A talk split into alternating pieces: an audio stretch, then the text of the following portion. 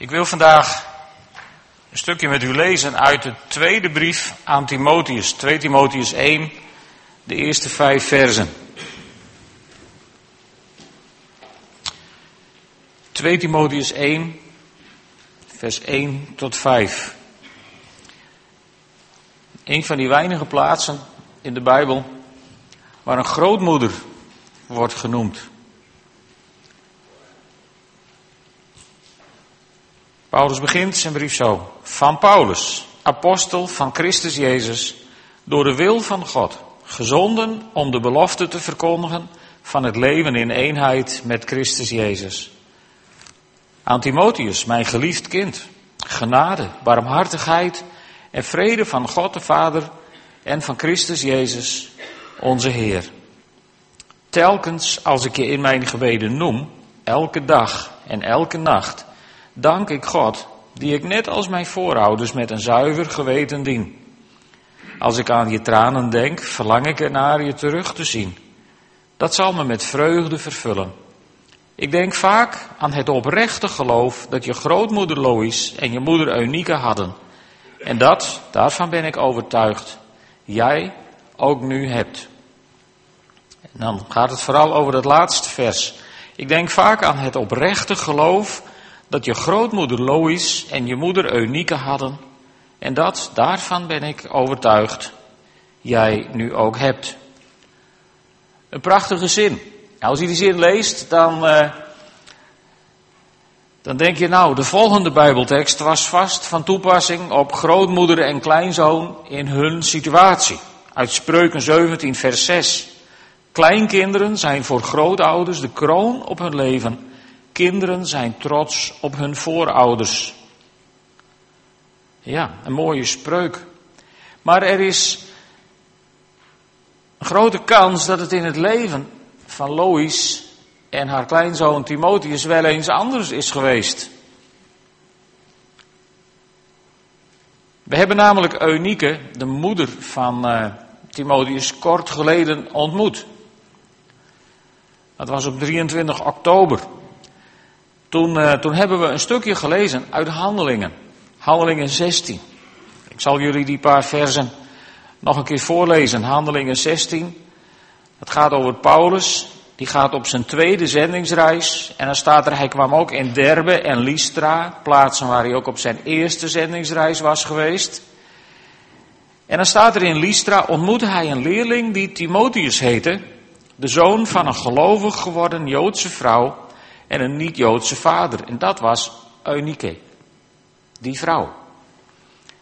En dan staat er, Timotheus stond goed aangeschreven bij de gelovigen in Lystra en Iconium. Bij de gelovigen, dus niet bij de Joden, maar bij de gelovigen. Even het onderscheid goed vasthouden. En Paulus wilde hem met zich meenemen op reis. Hij liet hem eerst besnijden ter wille van de Joden in Lystra en Iconium, die immers allen wisten dat Timotheus een niet-Joodse vader had. Nou heb ik altijd gedacht dat Paulus dat deed om bij de Joden in een goed daglicht te komen. Een wit voetje te halen, zou je kunnen zeggen. Maar dat zou wel eens heel anders geweest kunnen zijn. Denkt u met mij zich de volgende situatie eens in. Unieke. Een leuk Joods meisje. En die woont met haar ouders in de verstrooiing. Dat was een week zo. En ze woonden in Lystra. Gaan trouwen naar de synagoge. Staan in goed aanzien. Zijn mensen die uh, voorbeeldfunctie hebben. En dan op een dag, je bedenkt het niet, maar dan komt je dochter thuis met een Griek. Ik bedoel, broerder kan het leven niet worden, Rijn. Die snapt hem. Ineens komt jouw dochter thuis met een heiden. En vader, hoe die dan ook maar heette, die zegt, uh, een ongelijkspan? Geen sprake van. Geen sprake van. Dus dat wordt heel ingewikkeld. Met puber Eunike verliefd op een Griek. Nou, sommigen van ons kunnen zich uit ervaring misschien de, de, de thuissituaties wel voorstellen. Misschien kun je een beetje idee, heb je nog van hoe dat ook alweer was aan de keukentafel of ergens anders. Slaan met slaapkamerdeuren en dat soort situaties. Het zal niet zoveel anders geweest zijn als misschien wel bij jullie thuis. Geen sprake van. Maar Eunice zet toch door. En trouwt met haar Griek. En dat was niet best. Want dat kon niet als Joodse vrouw. Dat was not dan. Dat was niet in beeld.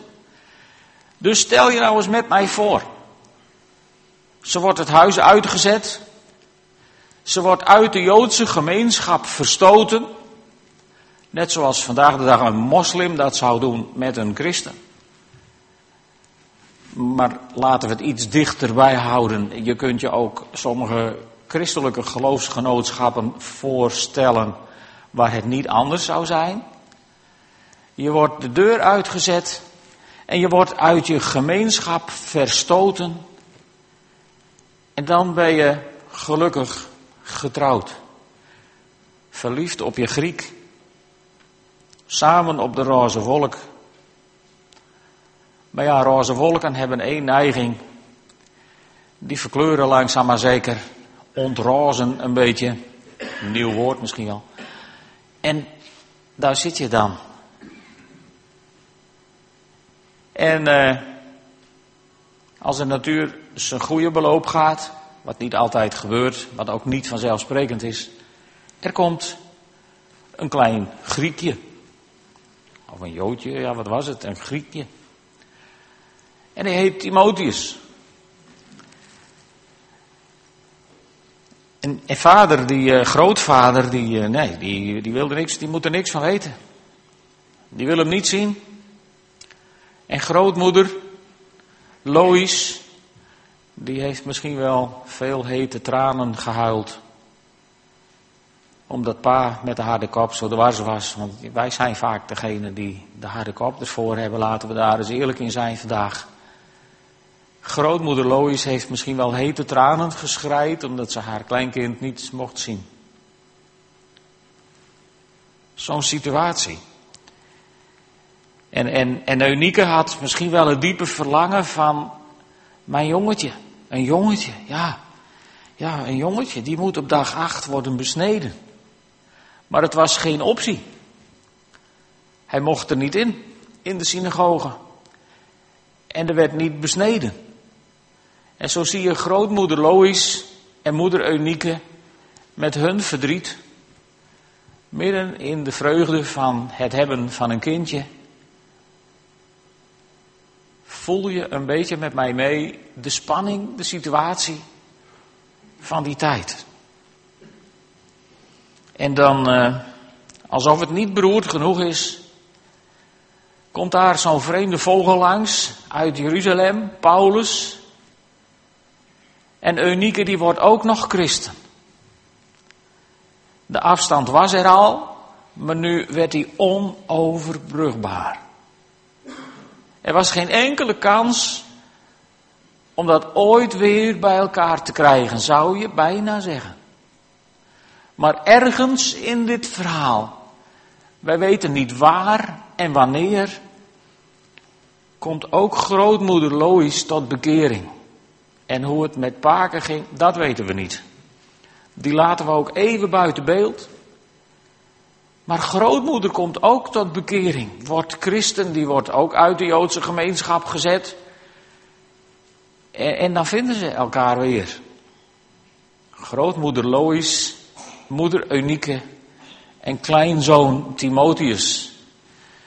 Ze vinden elkaar weer terug. En dan komt diezelfde Paulus, die komt weer langs. En die besnijdt Timotheus. Omwille van de Joden. Moest hij een wit voetje halen bij de Joden? Daar had hij zich nog nooit om bekommerd. Dat interesseerde Paulus nou precies helemaal niet. Misschien was het wel. Ik weet niet of het theologisch klopt, interesseert me ook even niet zoveel nu. Maar misschien was het wel om de Joden te laten zien van kijk eens, er is genade aan de voeten van de Heer Jezus. En als je daar één keer komt, dan zijn er geen barrières meer. Dan zijn er geen kloven meer. Dan zijn er bruggen gebouwd tussen de generaties. En als jullie nou graag willen dat dit jongetje wordt besneden, nou lieve vrienden, dan besnijden we hem. Omwille van de Joden. Zodat ze iets zouden zien van de genade van onze Heer Jezus Christus. Dat was het ultieme doel van elke handeling van Paulus. En ik denk dat het ook het doel was van deze handeling van Paulus. Niet om in een goed blaadje te komen, maar om de genade van God te laten zien. En dan is eindelijk Spreuken 17, vers 6 waarheid geworden in deze familie. Kleinkinderen zijn voor grootouders de kroon op hun leven. Kinderen zijn trots op hun voorouders. Toen pas. En daar zijn misschien wel jaren van verdriet aan vooraf gegaan. Maar als Jezus komt in het verdriet van mensen, gebeuren er wonderen en gebeuren er bijzondere dingen. En dan, eh, dan neemt grootmoeder Lois ongetwijfeld haar taak ook heel serieus. Natuurlijk, zij kende de Torah. Zij wist wat de boeken van Mozes zeiden over de rol van de grootouders. En in Exodus 10, vers 2 bijvoorbeeld, daar staat, ook wil ik dat je aan je kinderen en je kleinkinderen kunt vertellen hoe hard ik tegen de Egyptenaren ben opgetreden en welke wonderen ik bij hen heb verricht. Zij is waarschijnlijk toch de vertellende oma geworden, die vertelde over de grote daden Gods. Die voorlas uit de kinderbijbel. Nee, die was er nog niet, maar dat doet er niet toe. Ze vertelde haar kleinkinderen over Jezus. Ze wist dat dat ook stond in Deuteronomium 4, vers 9. Waar staat, wees gewaarschuwd en neem u zorgvuldig in acht. Dat is je voorbeeldrol als grootouder zodat u nooit vergeet wat u met eigen ogen hebt gezien, maar de herinnering daaraan levendig houdt en alles aan uw kinderen en kleinkinderen doorvertelt. Zie je ze zitten? Grootmoeder Lois, moeder Eunice, Timotheusje, met misschien wel broertjes en zusjes, verhalen vertellen over Jezus. Je kinderen en je kleinkinderen bij God introduceren. En zo gebeurt wat Paulus hier schrijft. En wordt het oprechte geloof van grootmoeder Lois en van, van moeder Eunice het geloof van Timotheus. Misschien is het zo wel gegaan. De Bijbel zegt niet veel over Timotheus, maar ik kan me heel goed voorstellen dat dit zijn jeugd heeft getekend. En dan is het dus allemaal koek en ei eindelijk geworden. En mogen ze ook persoonlijk ervaren wat God heeft beloofd in Psalm 103, vers 17. Waar staat, maar de Heer is trouw aan wie hem vrezen. Van eeuwigheid tot eeuwigheid. Hij doet recht aan kinderen en kleinkinderen. Van wie zich houdt aan zijn verbond en aan zijn geboden leeft. Ja, soms zie je dat Vaak zie je dat, goddank zie je dat veel in families, in generaties. Maar er zijn ook hele andere situaties denkbaar. En dan heb je de wind tegen. Bijvoorbeeld, je hebt geen kleinkinderen. Misschien ook wel geen kinderen, omdat het gewoon niet wil. Zulke mensen zijn er veel. En dat is een diep verdriet in het hart van mensen. Je verlangt ernaar om kleinkinderen te krijgen. En je deelt in het leed van je kinderen die ernaar verlangen om kinderen te krijgen. En het gebeurt gewoon niet. Dat kan een diep verdriet zijn in het leven van mensen. Een diep verdriet waar je als grootouders, met alle kleinkinderen om je heen, meestal niet bij stilstaat. Vandaag willen we daar even bij stilstaan, bij, bij die situaties van verdriet en van verlangen en misschien wel van, van een schreeuw naar God elke keer als je bidt voor je kinderen. En als u in zo'n situatie zit, dan is dat ook het beste antwoord. Een schreeuw naar God. Want God blijft een verhoorder der gebeden. Hij doet daarin misschien niet altijd wat je wilt. Maar hij komt wel heel dicht naast je staan. In welke situatie dan ook. We hebben daar gisteren ook het hele leven over mogen hebben. Toen we naar het leven keken van Tante Nel. God komt naast je staan in een situatie. Een andere situatie is dat je wel kleinkinderen hebt. Maar om de een of andere reden hebben ze God de rug toegekeerd. Doen ze niks meer met het geloof. Dat kan als grootouders ook zo'n bijna onmetelijke zorg zijn geworden. Waar je soms niet over kunt praten, soms ook niet. Je kunt er altijd over praten. Meestal durven we niet te praten over zulke dingen. Over het verlangen naar kinderen of kleinkinderen, daar praat je niet makkelijk over. Over de nood, over ongelovige kinderen of kleinkinderen praten we ook niet zo makkelijk. Hè? Want misschien hebt u wel het gevoel dat het, dat het aan u ligt, dat je gefaald hebt ergens. En ik wil vandaag namens God gewoon tegen je zeggen, dat is niet zo. En dan zou je wel gefaald hebben, zegt God, dan heb ik het je al lang vergeven. Dan is dat ver achter ons gebleven. Maar het is een nood. Het is een last op je hart. Waar je zwaar onder gebukt kunt gaan. Waar je onder lijdt.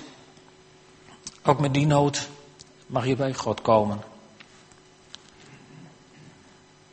Een andere situatie misschien. Vergelijkbaar met de vorige. Je kinderen geloven niet. En je hebt wel kleinkinderen en die groeien op zonder, ja, zonder verhalen over God. Zonder de kinderbijbel. Zonder een school of een kerk waar hun iets over God wordt verteld. Misschien is dat uw situatie. En dan is het het spanningsveld van als de kleinkinderen bij je logeren. Wat vertel je ze dan wel over Jezus en wat vertel je ze dan niet over Jezus? Daarin heb je ontzettend veel, volgens mij, wijsheid van de geest van God nodig. Want je hele hart wil ze waarschijnlijk alles over de Heer Jezus vertellen. En aan de andere kant wil je ook geen ruzie met je kinderen. En je wilt ook niet de situatie creëren dat je ze niet meer te logeren krijgt. Dus je bent aan het koorddansen. En je kunt er links afvallen en je kunt er rechts afvallen. En erop blijven staan, dat lijkt een hele toer. Ook in die situaties wil God naast je staan. Wil God je zijn wijsheid geven. En wil God je ook de woorden in de mond leggen die je tegen je kleinkinderen mag spreken.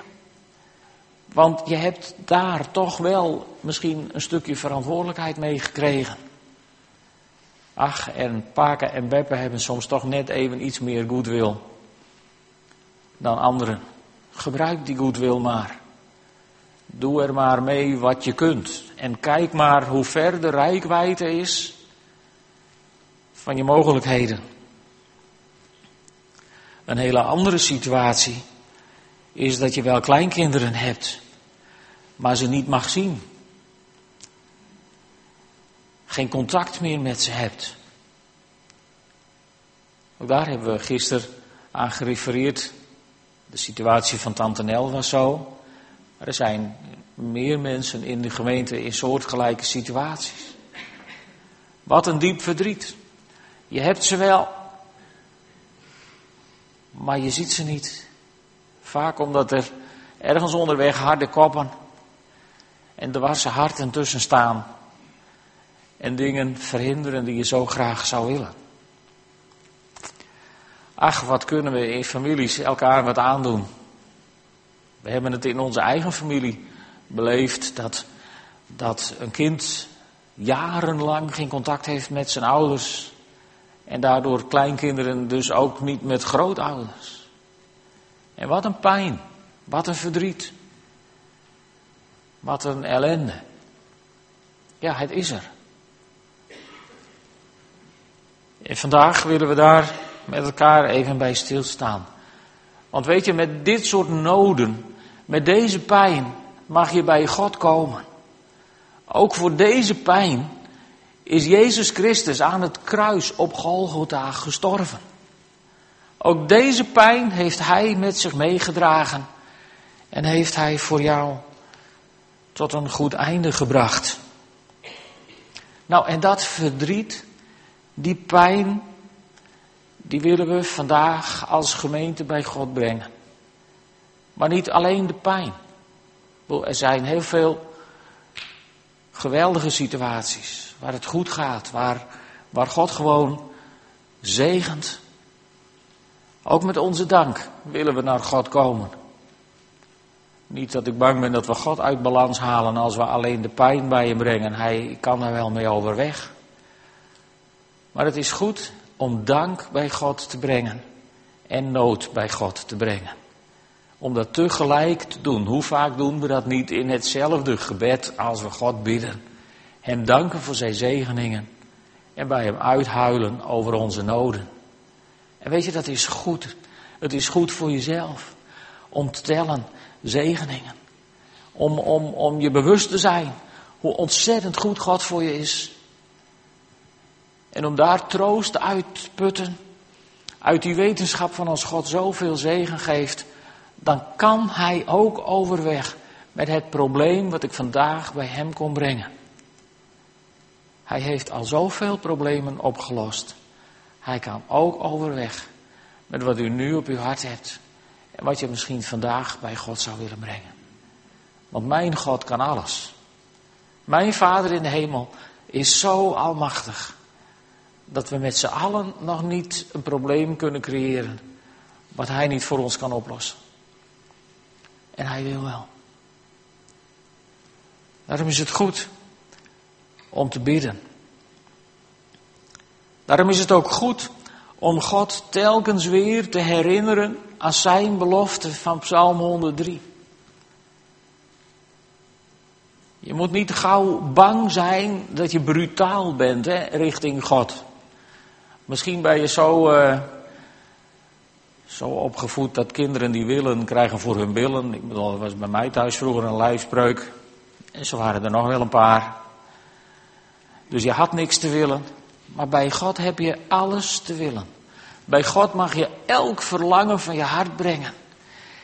En bij God mag je best zeggen, beste Heer, moet u eens luisteren. U belooft in Psalm 103 dat u trouw bent aan wie hem vrezen van eeuwigheid tot eeuwigheid. En dat u recht doet aan hun kinderen en kleinkinderen. Nou wel, hier sta ik dan. En u kent mijn situatie. En dat lijkt er niet op. Maar ik maak aanspraak op de beloftes uit het woord van God. Staand op de beloften van mijn Heer en God. Misschien kent u dat oude lied wel. En misschien doen we het wel eens te weinig, omdat we, omdat we in een cultuur opgroeien waarin als je één keer wat gevraagd hebt en je hebt nee gekregen, dat je op moet houden met zeuren. Zal ik eens wat vertellen? Bij mijn God hoeft u niet op te houden met zeuren. Bij mijn God mag je elke morgen weer terugkomen met dezelfde nood, met dezelfde pijn op je hart. En dat mag je smiddags en s'avonds en s'nachts en whenever mag je dat herhalen. Want mijn God valt niet van zijn troon als hij voor de tigste keer je probleem bij hem komt brengen. En zegt, Heer, ik sta op de beloftes van uw woord en u hebt het beloofd. U doet recht aan kinderen en kleinkinderen van wie hem vrezen. Nou Heer, hier sta ik dan. En ik zou graag willen incasseren. Je mag God herinneren aan zijn beloftes. Daar valt hij niet van om hoor.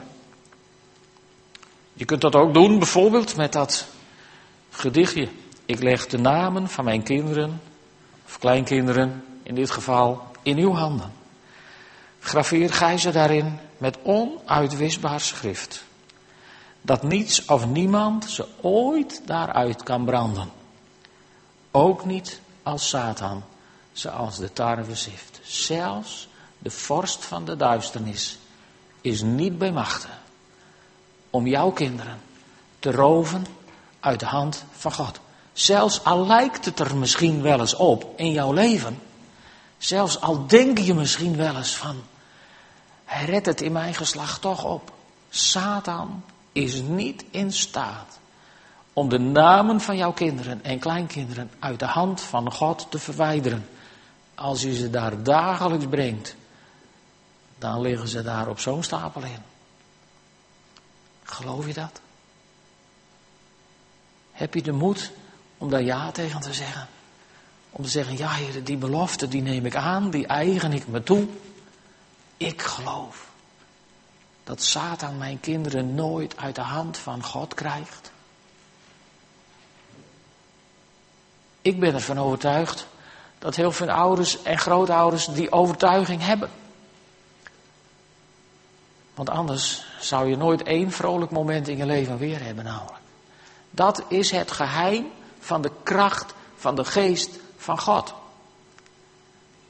De geest van God die mensen in levenssituaties laat zijn waarin je denkt, dit kan niet. Dit kan niet. De kracht van God, waarin je misschien als je, als je er niet mee te maken hebt, kijken wij soms naar situaties. En dan denken we, dat zou ik niet kunnen. En u hebt gelijk. Dat kun je ook niet zolang de situatie zich niet aandient. Maar op het moment dat een situatie zich aandient, dan is er zoveel kracht in de geest van God. Dat je dingen aan kunt die je nu absoluut niet voor mogelijk houdt. Dus ga geen nachtmerries toelaten in je leven. Ga je niet vanavond of vandaag de rest van de dag afvragen wat voor verschrikkelijks je in de toekomst misschien wel zou aankunnen en niet zou aankunnen. Want de mens lijdt doorgaans nog het meest door het lijden dat hij vreest en wat niet op komt dragen. Ken je dat versje? En daardoor heb je meer te dragen dan God te dragen geeft. Nou, dat moet je niet doen. Wat God je niet te dragen geeft, dat moet je niet oppakken, dat moet je laten liggen. En wat God je wel te dragen geeft, daarvoor moet je je afvragen, is het God altijd die het te, te dragen geeft? Dat weet ik niet. Ik heb dat gedichtje niet geschreven. Maar wat ik wel weet, is dat God je niet alleen laat dragen. En of je ze dan van God hebt, die last, of gewoon uit het leven. Omdat we nou één keer in een schepping leven die gebroken is en waarin mensen elkaar dingen aandoen. Je denkt, hoe krijgen ze het in hun hoofd? Ja, daar leven we in. Totdat Jezus weer komt, leven we in die situatie. Maar één ding weet ik uit eigen ervaring. Als het tegen zit, komt iemand jou een duwtje in de rug geven. Als het tegen zit, dan zit je op zo'n fiets met zo'n elektrische trapondersteuning, weet je wel? En die trapondersteuning heet geloof. Als je daar niet mee fietst, blijf je staan waar je staat. Maar als je ermee fietst, geloof, is geen brommer. Waar je lui op kunt gaan zitten zo van nou, we komen er wel. Volgens mij is dit geloof. Die ondersteuning, dat duwtje in de rug. En dan is je situatie dan op dit moment nog zo uitzichtloos. Ik moedig u aan om samen de hemel te bestormen en naar God toe te gaan met de noden die je hebt op dit gebied. En God de dank te brengen voor al die kleinkinderen en al die situaties waar het helemaal goed gaat.